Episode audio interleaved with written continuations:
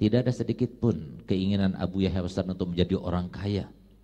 Beliau tidak punya rekening pribadi sampai beliau meninggal dunia.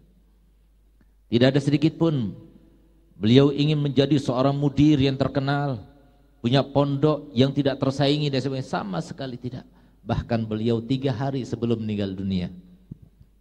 Beliau berkata kepada Al-Fakir, Abi dari mulai berdirinya pondok ini sampai sekarang Abi belum bisa menyangka bahwasanya Abi ini ternyata menjadi mudir. Nggak pernah menyangka kalau Abi ini punya murid dan banyak orang yang percaya kepada Abi untuk menitipkan anaknya kepada Abi. Demi Allah, nggak pernah Abi rasakan itu. Tapi yang Abi rasakan Allah itu memanjakan Abi.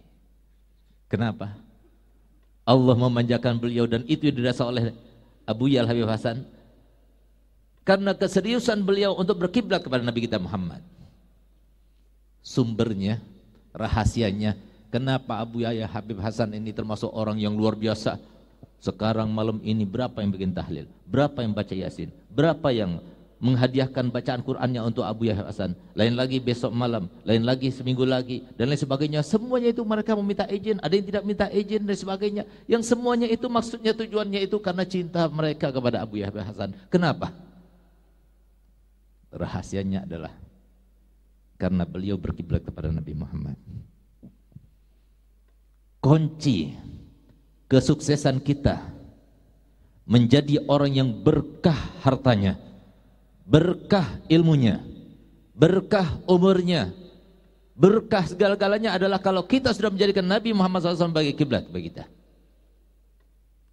Itulah yang dilakukan oleh Nabi, oleh ayah kita Abu Yal Habib Hasan Baharun rahimallahu rahmatullah abrar. Kita lihat Imam Nawawi, Imam Ghazali salah satu daripada ulama yang diberkati oleh Allah Ta'ala dalam karangan-karangannya. Kenapa? Berkiblat kepada Nabi Muhammad. Al-Habib Ali Habsi belum maulid. Beliau mendapatkan makom yang tinggi sampai dikatakan oleh Habib Bakar bin Muhammad As-Segaf, murid beliau. Sulit untuk menandingi makom daripada Habib Al-Habsi. Wali yang mana pun sulit untuk menandingi makom daripada Habib Al-Habsi. Kenapa? Berkiblat kepada Nabi Muhammad. Maka pertanyaannya adalah seberapa besar kiblat kita berkiblat kita kepada Nabi Muhammad yang Allah Ta'ala sudah mencanangkan menegaskan memastikan itulah teori satu-satunya sehingga Allah Ta'ala firman dalam Al-Quran, Gul, wahai Muhammad, katakan kepada mereka. Katakan kepada kita semuanya.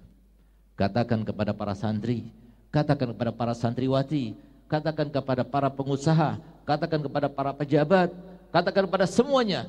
In kuntum tuhibbunallah, fattabi'uni yuhibbukumullah. Kalau kalian mengatakan bahwasanya aku cinta pada Allah, aku berbuat karena Allah, Aku beramal semuanya karena Allah. Apa kata Allah Ta'ala? Syaratnya adalah satu. Ittabi'uni. Ikutlah Nabi Muhammad. Berkiblatlah kepada Nabi Muhammad. Maka niscaya semuanya akan didapatkan seperti yang diharapkan bahkan lebih daripada apa yang diharapkan.